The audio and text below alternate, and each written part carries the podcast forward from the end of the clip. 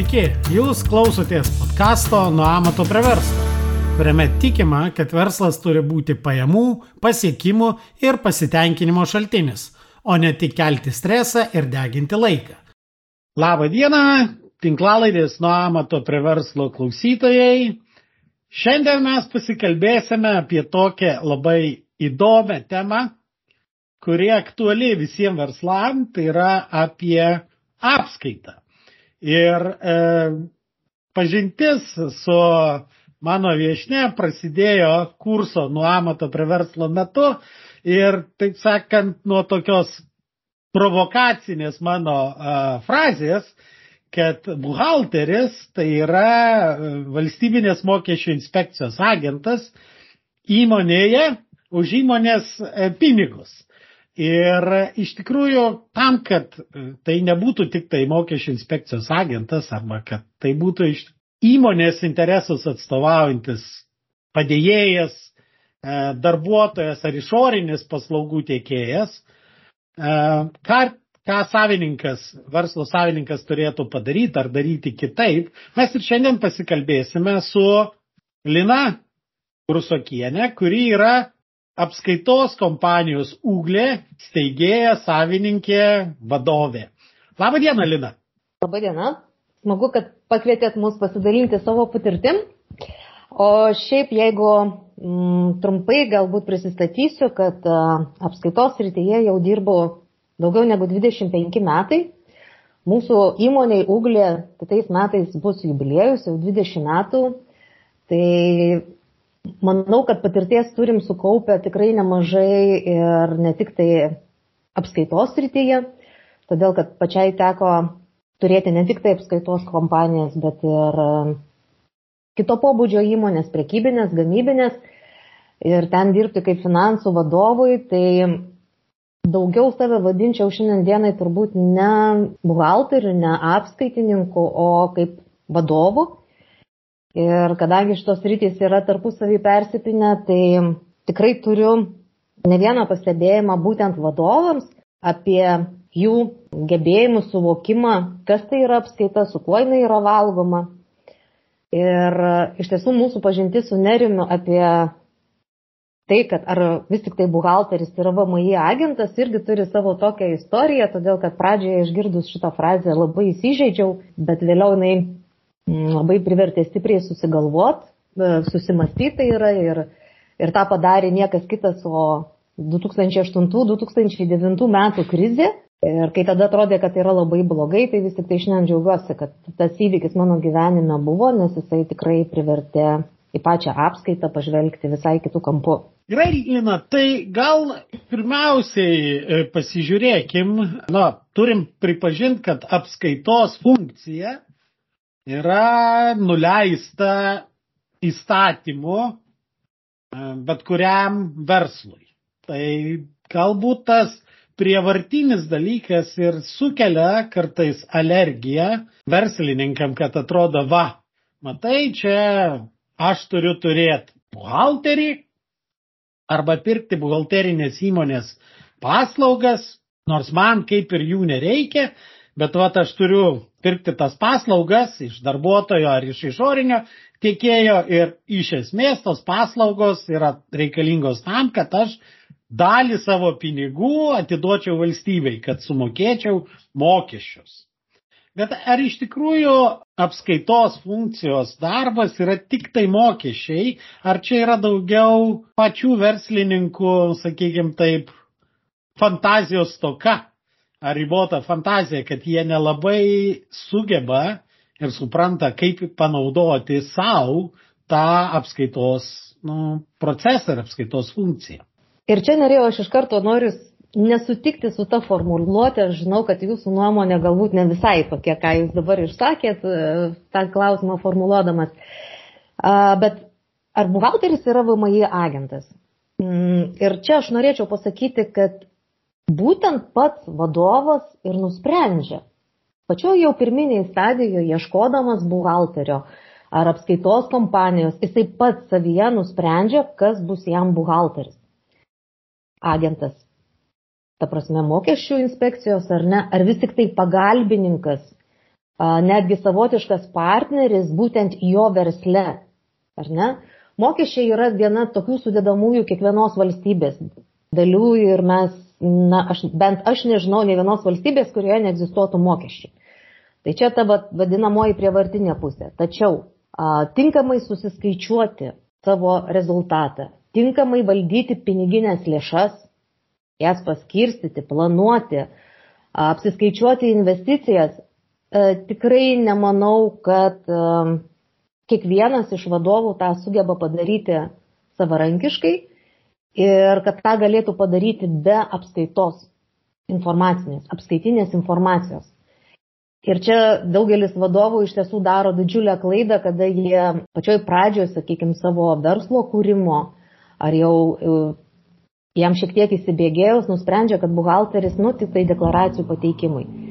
Ir čia norėčiau tokį kaip ir pavyzdį privesti, ar ne, kad a, jeigu aš noriu, sakykime, dalyvauti a, dviračių lenktynėse, a, aš nebūtinai turiu nusipirkti, ta prasme, nusipirkti dviratį, ar ne, aš jį galiu išsinuomoti, bet važiuoti to dviračio vis tiek teks išmokti man pačiam.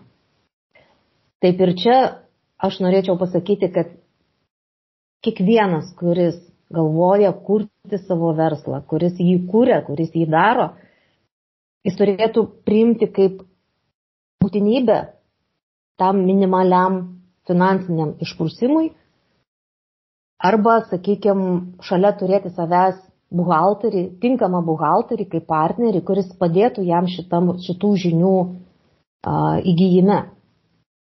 Ir labai dažnai e, dėja tenka matyti, kada vadovai patys nusprendžia, kad viskas čia man nieko nereikia, man skaičių nereikia, ar ne, buhalteris yra reikalingas tik tai deklaracijų pateikimui. Dėja šitoje vietoje labai stipriai pralošia. Pilnai pritariu. Juk jeigu pažiūrėsim istoriškai, tai apskaita atsirado ne su tikslu apskaičiuoti mokesčius, o pirmiausiai su tikslu geriau valdyti savo O, savo tai dažniausiai tai buvo imperatoriaus ar kokio valdovo turimą turtą, arba ten vėliau ir tas pats pačiolis, kuris sugalvojo dviejybinį įrašą, tai buvo apie tai, kaip geriau valdyti bažnyčios turtą. O mokestiniai dalykai atsirado daug vėliau. Tik tai kažkodėl daugelis verslininkų į apskaitą žiūri tik tai per tą vat, privalomą E, mokestinę prizmę, nu, mokė, mokesčių prizmę. Bet ver, verslas yra, nu, mesgi kalbam visą laiką, kad verslo tikslas yra uždirbti pinigų dabar ir ateityje. Tai ir uždirbti kalbam, pinigų savo, teisingai. Na nu, taip, e, ir tam, kad uždirbti tuo pinigus, o pinigai mėgsta, kad juos skaičiuotų, tu turi žinoti, kada aš darau teisingą sprendimą, kada darau neteisingą sprendimą. Taip pat tu turi žinoti, už kiek nupirkau, kiek pas mane sandėly yra, už kiek aš parduodu ir, ir, ir daug kitų dalykų. Ir be apskaitos aš neįsivaizduoju uh, nei vieno verslo, sėkmingo verslo. Na, nebent apskaita yra mažai reikalinga tuose versluose, kur labai didelės maržos. Na, jeigu už vieną perki už šimtą parduodi, nu tai tada galbūt kažkiek laiko gali sauliaisti paklaidas, netikslumus ir panašiai. Bet iš tikrųjų matosi labai dažnai, kad, o, kaip ir minėjot, kad per krizės itin svarbus pasidaro apskaitos klausimas, nes tada reikia sugaudyti ir visas e, smulkės išlaidėlės, kad na, žinot, kur kas vyksta, kad niekur nepasimestų nei centas ir panašiai. Ir aš pridursiu dar vat, prie to, ką jūs pasakėte, ar ne, jūs nepaminėjot savo firminio klausimo. O kur babkės? Ar ne? Tai vat, būtent apskaitos pagalba ir galima išsiaiškinti, o kur tie pinigai, kodėl aš labai dažnas atvejis, kada apyvartas įmonės lik ir daro, pelnas lik ir yra, o pinigų kaip nėra, taip nėra. Tai būtent apskaitos, apskaitinė ta informacija, jinai duoda tą žinojimą, tą vaizdą, o kur yra tie pinigai. Ar mes, sakykime, juos esame išaldę per didelėse atsargose, ar mūsų pinigai uh, kažkur tai pas mūsų pirkėjus ir mes ne, nieko nedarom, kad susirinkti juos, ar ne, nestebim pirkėjų skolų. Yra daug, ta prasme, įvairių situacijų ir, ir vad būtent sureguliavimas visų šitų procesų, ne tik tai, kad dirbti ir uždirbti, bet ir tinkamai valdyti piniginės lėšas, va čia ir yra ta didžioji tos apskaitinės informacijos vertybė, kurią dėja vadovai nuvertina. Pardavimai labai svarbu, jeigu mes mokam parduoti daug ir brangiai ir net pagaminti, įvykdyti klientų užsakymus, bet žinot, kiek uždirbom ir kur tie pinigai, tai irgi tai yra apskaitos klausimas ir šiaip jau kaip ten bebūtų, bet uh, labai dažnai tenka girdėti tokį pasakymą, kad apskaita tai yra verslo kalba. Tai yra pagrindas, kurį turėtų žinoti ir suprasti visi vadovai. Tik tai, kaip ten bebūtų, apskaitos valdymas yra, apskaita yra pakankamai nu, nuobodus daugeliu žmonių užsiemimas. Tai yra skaičiukai, krapštimasis po skaičiukus, po popierėlius, po sąskaitas ir taip toliau. Ir aišku, daugelis verslininkų, jiegi kūrybiniai žmonės, iniciatyvos, inovacijų ir taip toliau. Ir kai jiems sako, žiūrėk, čia reikia dirbti su skaičiukais ir apskaitoj, nu jam atrodo čia labai nuobodus dalykas ir kurį verčia daryti ir tada dar suveikia tas ir neigiamas dalykas, ai čia man mokesčiai primetė, man pačiam to nereikia. Bet iš tikrųjų tai yra pagrindinis duomenų ir netgi informacijos šaltinis tam, kad suprast, kas vyksta tavo versle, bent jau su rezultatais ir priimti vienokius ar kitokius sprendimus, kad rezultatai pagerėtų. Aš dar galbūt įsiterpsiu, uh, paminėdama tokį mm, tų pradedančiųjų vadovų, naujai kūriamų verslų vadovų, tokį stereotipinį mąstymą, kad mm, kol, ai, čia pas mane įmonė nedidelė, man čia to nereikia, čia finansai, finansų valdymas prasideda ten, kai jau įmonės uh, uždirba milijonus ir taip toliau. Tai iš tiesų yra neteisingas požiūris, todėl kad to verslo finansų valdymo mokytis reikia būtent nuo pirmųjų savo įmonės tų žingsnių. Stengti suvokti, ir tą daryti pastoviai, ar ne, pas kiekvieną mėnesį persižiūrėti, konsultuoti su tuo savo finansininku, kaip, kas, kodėl, iš kurios vietos, ar ne, ir tokiu būdu ir save mok, mokant suvokti, kad tam tikri procesai įtakoja vienus ar kitus dalykus, ar, ar tai rezultatą pelno formą, ar tai, sakykime, pinigų srautų. Ir tada aš tiesiog per savo praktiką matau, kada įmonės ateina turėdamos, na, 200 tūkstančių apyvartą per metus, mes turim klientą išaugus iki 6 milijonų. Yra smagu dėl to, kad vadovas tam skiria atitinkamą dėmesį. Kiekvieną mielą mėnesį mes sėsdavom, kalbėdavomės, analizuodavom ir jis bandydavo suvokti, o kodėl taip, o kodėl ne kitaip. Ir, ir tiesą sakant, na, keturių, penkių metų bėgėje, kada įmonė pasiekė tokį rezultatą, mes iš tiesų kaip buhalteriai irgi labai džiaugiamės ir šiandienai iš tiesų tam vadovui, kada jisai yra jau suformulavęs savo galvoje tam tikrą kontrolės sistemą, tam tikrą suvokimą, jam užtenka tam skirti minimaliai laiko. Jisai tiesiog seka 2-3 rodiklius, pagal kuriuos jisai pasimatuoja, ar jam, tiksliau jo įmonėje yra viskas tvarkoja ir viskas gerai ir to pakanka. Bet jis tą pradėjo daryti nuo mažų skaičių.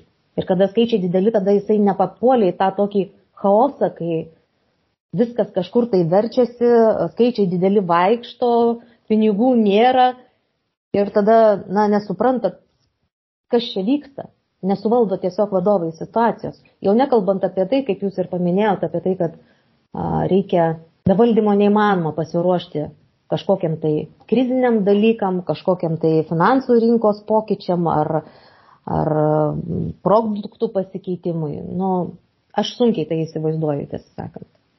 Ir tai yra bėda, kad įmonių savininkai, ypač tie, kurie pradeda verslus, tie pra, pradinių, pradinukai, šviežiai įsteigtų verslų kuriejai, labai dažnai patys suformuluoja užduotį buhalteriam, nu, ar išoriniam, ar vidiniam, kad tavo darbas iš esmės tai yra tų deklaracijų pateikimas. Tai davė jam užduotį atlik darbus su mokesčių inspekcija, o po to patys stebisi, kad tas išorinis ar vidinis darbuotojas atlieka tai tik tuos darbus, kurie yra skirti su mokesčių inspekcija. Aš galbūt netgi pasidalinčiau, žinau, tokią kuriozinę situaciją. Per tiek metų praktiškai žinau, kaip rutuliojasi pirmas pokalbis su naujų klientų. Kaip taisyklė ateina vadovas ir sako, žinai, čia pas mane dokumentų yra labai nedaug. Nu, pavyzdžiui, 20 sąskaitų per mėnesį. Ar ne? Kodėl jisai tai sako? Jisai tai sako su tendencija, kad e, žiūrėk, čia man, man čia neturėtų daug kainuoti. Ir tada mano klausimas būna toksai, sakau, gerai, aš suvesiu tau dokumentus. Nu, į apskaitos programą, aš tau juos suvesiu, ar ne? Iš tiesų tai kainuos tikrai labai nedaug. Ar deklaracijas mokesčiam tu pasiskaičiuosi ir pasiteiksi pats? Ne, ne pats. Gerai, tada aš jo vėl klausiu. Ar tu norėsi mano, mano kompanijos darbuotojų, mano pačios, sakykime, kažkokiu tai patarimu būtent dėl tų pačių finansų valdymo, dėl kažkokiu tai mokesčių naujovių ar mokesčių, įstat, ta prasme, įstatymų taikymų, būtent a, tinkamų tavo įmoniai, jo jo labai norėsiu. Tada aš jo klausiu sekančio klausimo. Ar tu norėsi prevenciškai žinoti, sakykime, kas laukia, sakykime, kokie įstatyminiai pokyčiai yra numatomi, sakykime, nuo sekančių metų ar, ar po pusmečio ir kiek, kiek tai lies tavo įmonę, ar, jinai, sakykime, tie pakeitimai kažkiek turės reikšmės, neturės reikšmės.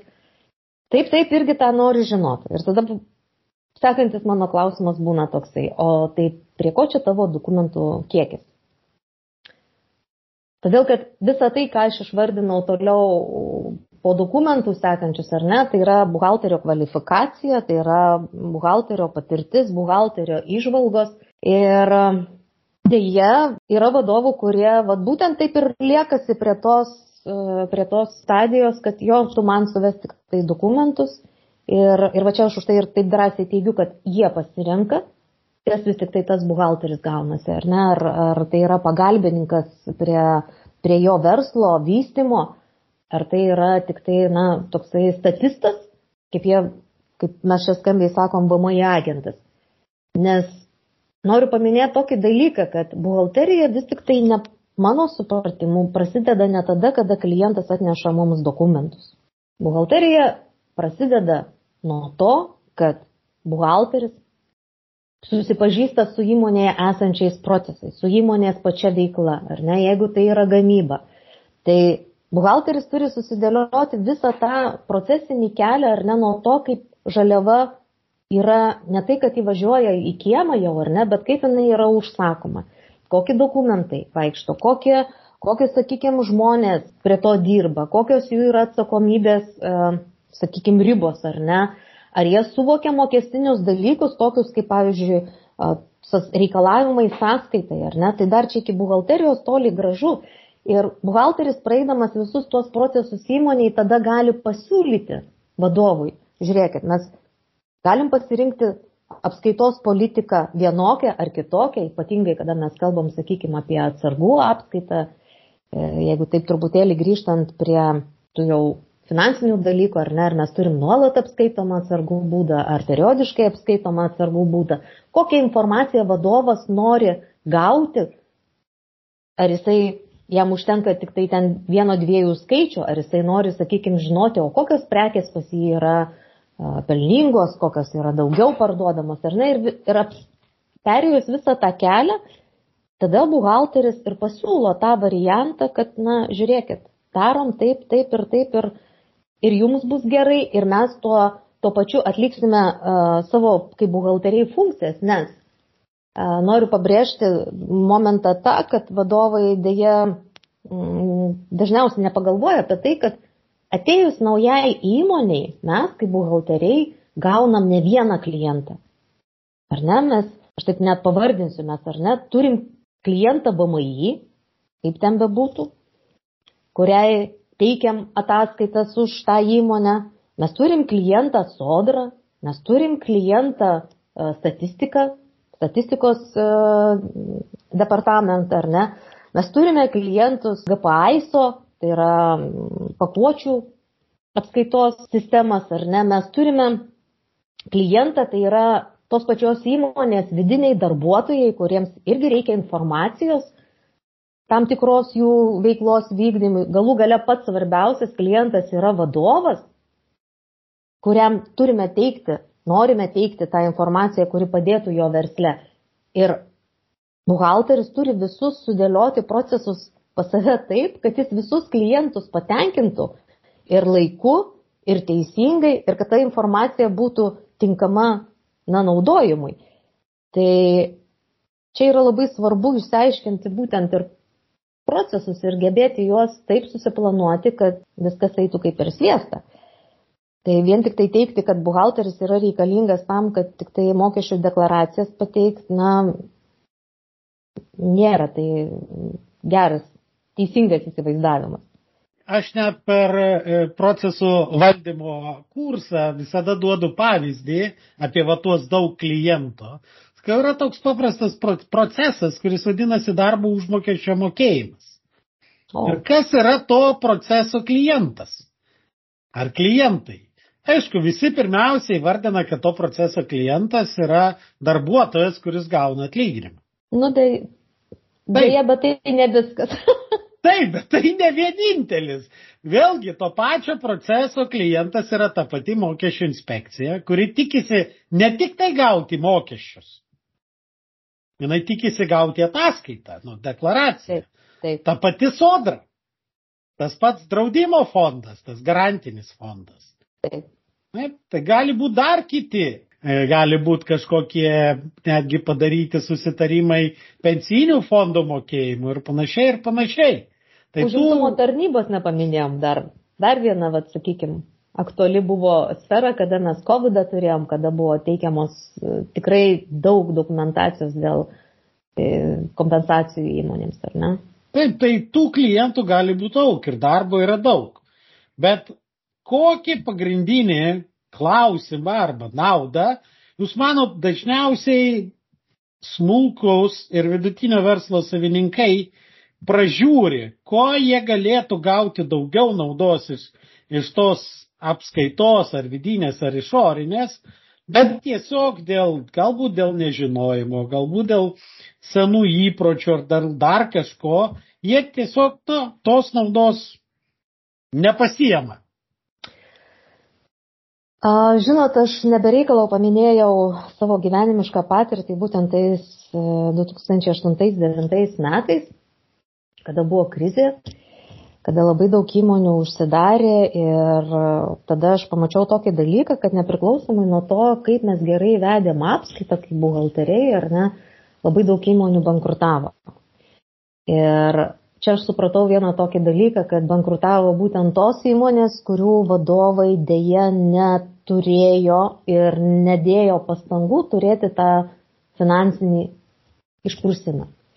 Ir ką mes pradėjom daryti, ir tą darom labai daug metų, mes edukuojam savo klientus, mes juos mokinam to finansinio raštingumo, mes jiems aiškinam, kaip vieni ar kiti jų veiksmai įtakoja jų rezultatą, galų galia tą patį pelno mokestį, ar ne, kurio taip visi bijo, kai jį reikia mokėti, nes sumos būna didelės. Ir čia mes. Aš tai niekada nebijau pelno mokesčio. Aš tai manau, kad aš tai sutinku mokėti didelį pelno mokestį. Reiškia, aš turiu didelį pelną. Būtų gerai, kad visi taip galvotų.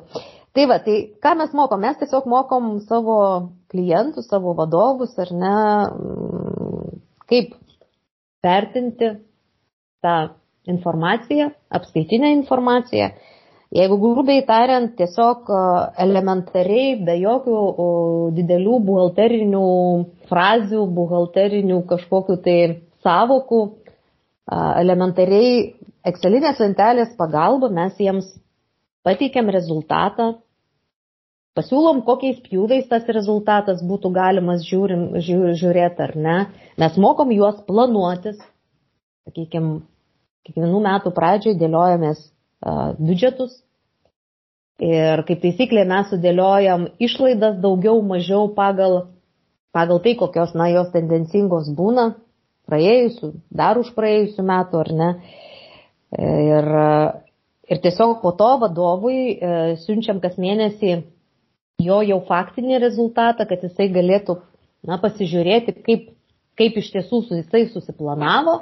Vėl čia ne mes vienos planuojam, ar ne, tai yra darbas su vadovu ir kaip tas rezultatas e, vyksta faktiškai tam, kad jisai na, galėtų priimti vienus ar kitus sprendimus, ar ne, nes metų pradžiai norisi ir būt arba labai optimistišku, arba labai kartais pesimistišku, bet, na, ypatingai, kada galvojama apie kažkokias investicijas ar, ar kažkokias tai, na, kad ir didesnės išlaidas, labai ir būna paprasta tos elementarios mes vadinam tai biudžeto lentelės, pagalba pasižiūrėti, o kas laukia, jeigu bus atliktas vienas ar kitoks veiksmas tam tikra suma ir kaip tai įtakos pinigų srautus. Ar įmoniai reikės eiti pasiskolinti, arba galbūt kaip tik įmoniai reikia na, pinigus efektyviai panaudoti dabar ypatingai, kada bankai čia vis palūkanas kelia už indėlius, ar ne? Galbūt tai vienas iš variantų. Tai Tai mes tą darom ir matom iš to efektą, matom būtent per mūsų klientų ir augimą, ir, ir sakykime, pasisaugojimą nuo tam tikrų krizinių situacijų, bet matom mes ir kitą tendenciją, kad e, kartais ne visi vadovai to naudojasi. Tiesiog, nes tai yra darbas.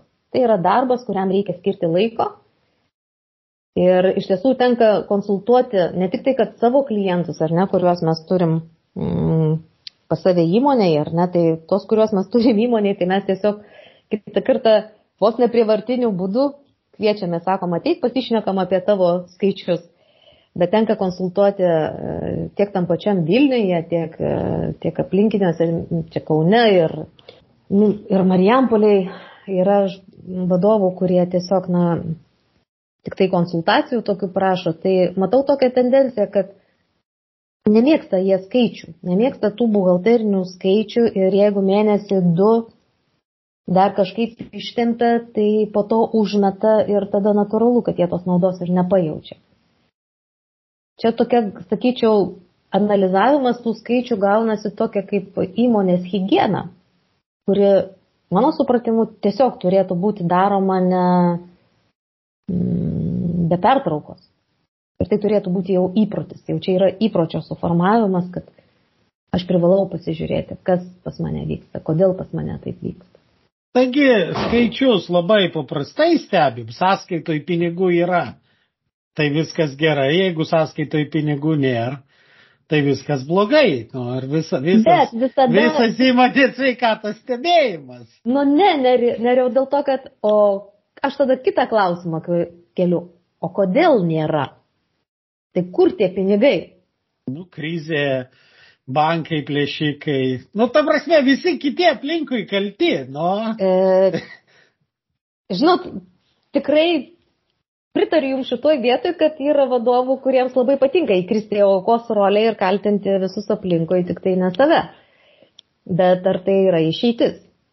Ne, tikrai nėra išeitis. O ir kitas svarbus dalykas, mano klausimas, tiek dirbat su daug ir smulkaus ir vidutinio e, verslo savininku ir aš visada sakau, kad vienas svarbiausių rodiklių versle yra investuoto kapit savininko investuoto kapitalo graža. Kiek jūsų klientų savininkų yra prašę, kad jūs paskaičiuotumėt jiem šitą rodiklį?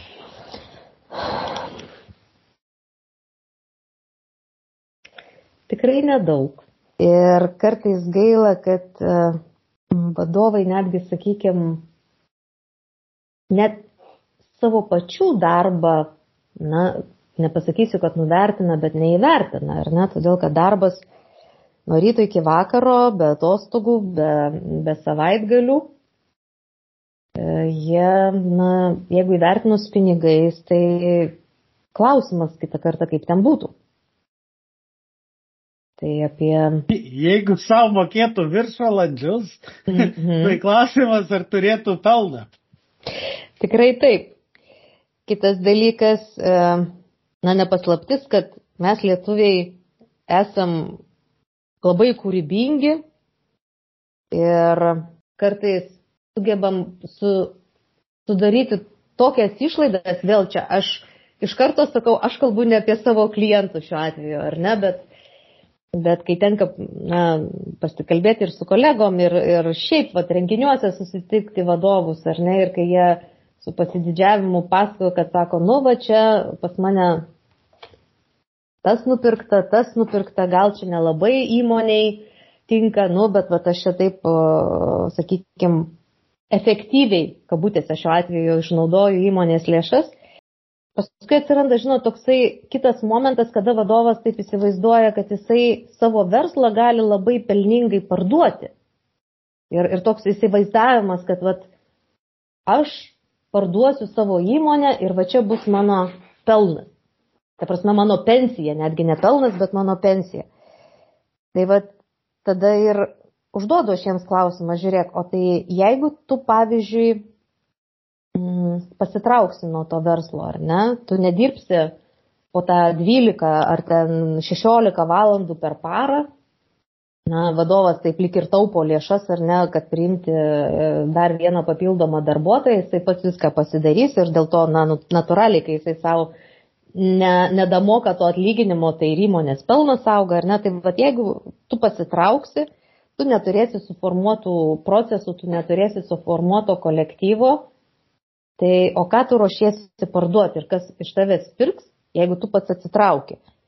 Ir čia iš tiesų labai dažnai būna tokios įdomios diskusijos, kur kartais ir pasigailiu taip tiesiai išviesiai e, vadovui pasakius, nes, na, matau, kad žmogaus veidas stipriai nuliūsta ir ir pakertamas pasitikėjimas savimi, bet, bet na, geriau karti tiesa laiku negu, negu ta tokia save apgaulė turbūt vadovui. Tai ir vėl aš čia grįžtu prie to, o kaip jam tą dalyką parodyti. Tik tai per skaičius.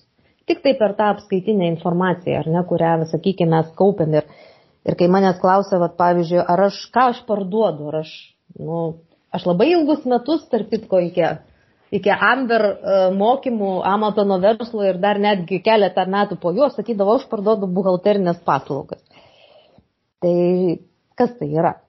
Su kuo tai yra valgoma, kur čia jos yra naudojama, tai šiandienai aš galiu pasakyti, kad aš ne buhalterinės paslaugas parduodu, aš parduodu informaciją, kurią naudodami vadovai gali auginti savo įmonės arba suvokti, ką, ką reiškia jų atsitraukimas, kiek gali jų kainuoti ta jų įmonė apie verslo vertę ir kaip smulkus verslininkai dažnai nepasiruošia verslo pardavimui ir, ir jis turi kažkokias nepamatuotas iliuzijas apie savo verslą, mes kaip tik dar ir kitiem klausytojams noriu priminti, turėjom epizodą, vieną iš pirmųjų epizodų su Tomu Milakniu, kuris užsiminėjo verslų pirkimų, pardavimų ir ten apie tai daug šnekėta, bet vėlgi, kai va, tie dalykai, kurie, va, kai pradedi įmonės pinigus šiek tiek painioti su asmeniniais visokiais dalykais ir kai ant įmonės pakabintas žmonos, sunaus ir ten kitai automobiliai ir panašiai, tai po to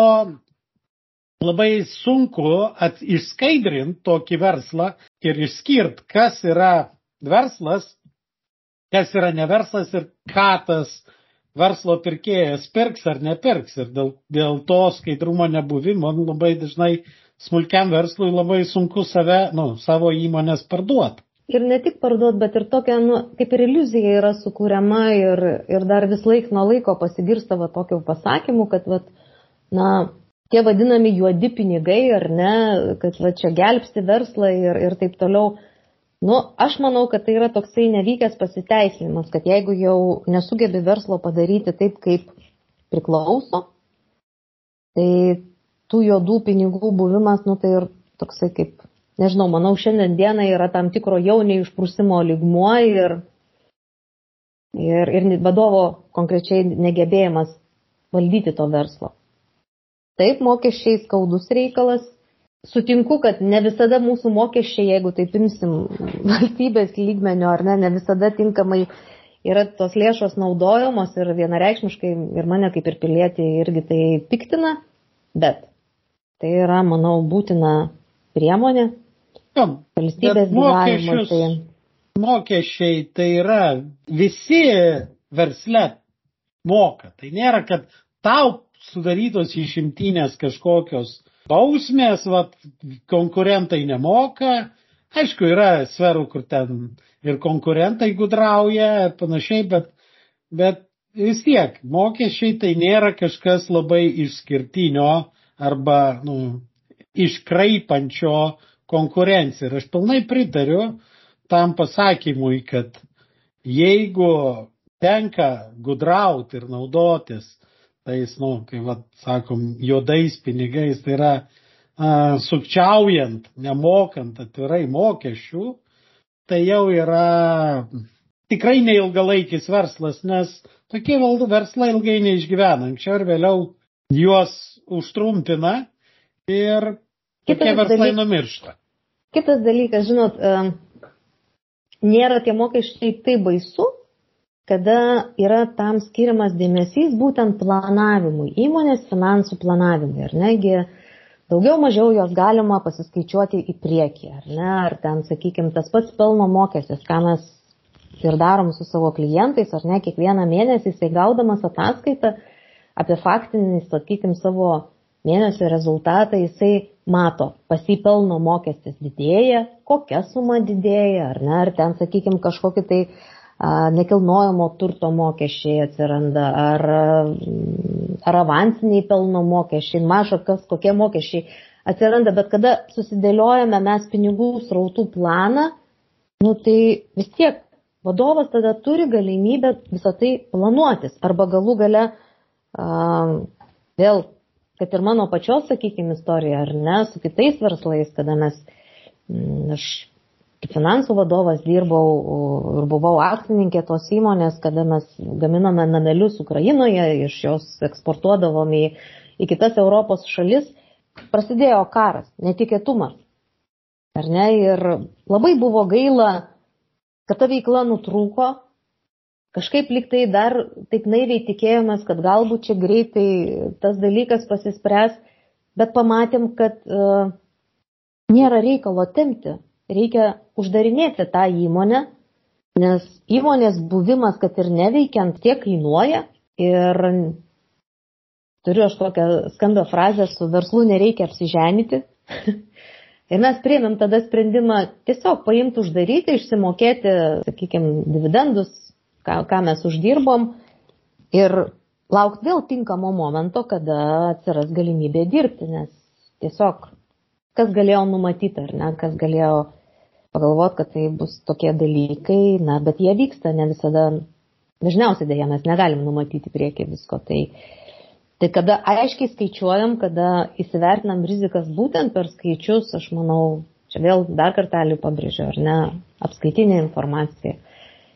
Tai galima, manau, priimti tinkamus sprendimus vieniem ar kitiems. Taip, dalykams. karo galbūt mes nenusimatysim, bet labai dažnai tuo pasiteisindami, kad ai, tu čia nieko nenumatysi, kai kurie verslininkai, kai kuriem verslininkam ir kalėdos ateina netikėtai. Tai yra, na, pelno mokesčio data, kada reikės mokėti, yra labai aiški. Taip. Nekilnojamo turto mokesčio data, kada reikės mokėti, jinai aiškiai, jinai žinoma keliam metam į priekį. Bet vis tiek, likus savaitė iki mokėjimo, staiga įvyksta surprizas. Kad kiek daug reikia mokėti, aš tiek pinigų sąskaitoj neturiu. Tai ir iš tikrųjų problema mokesčiuose ar planavime ir valdyme.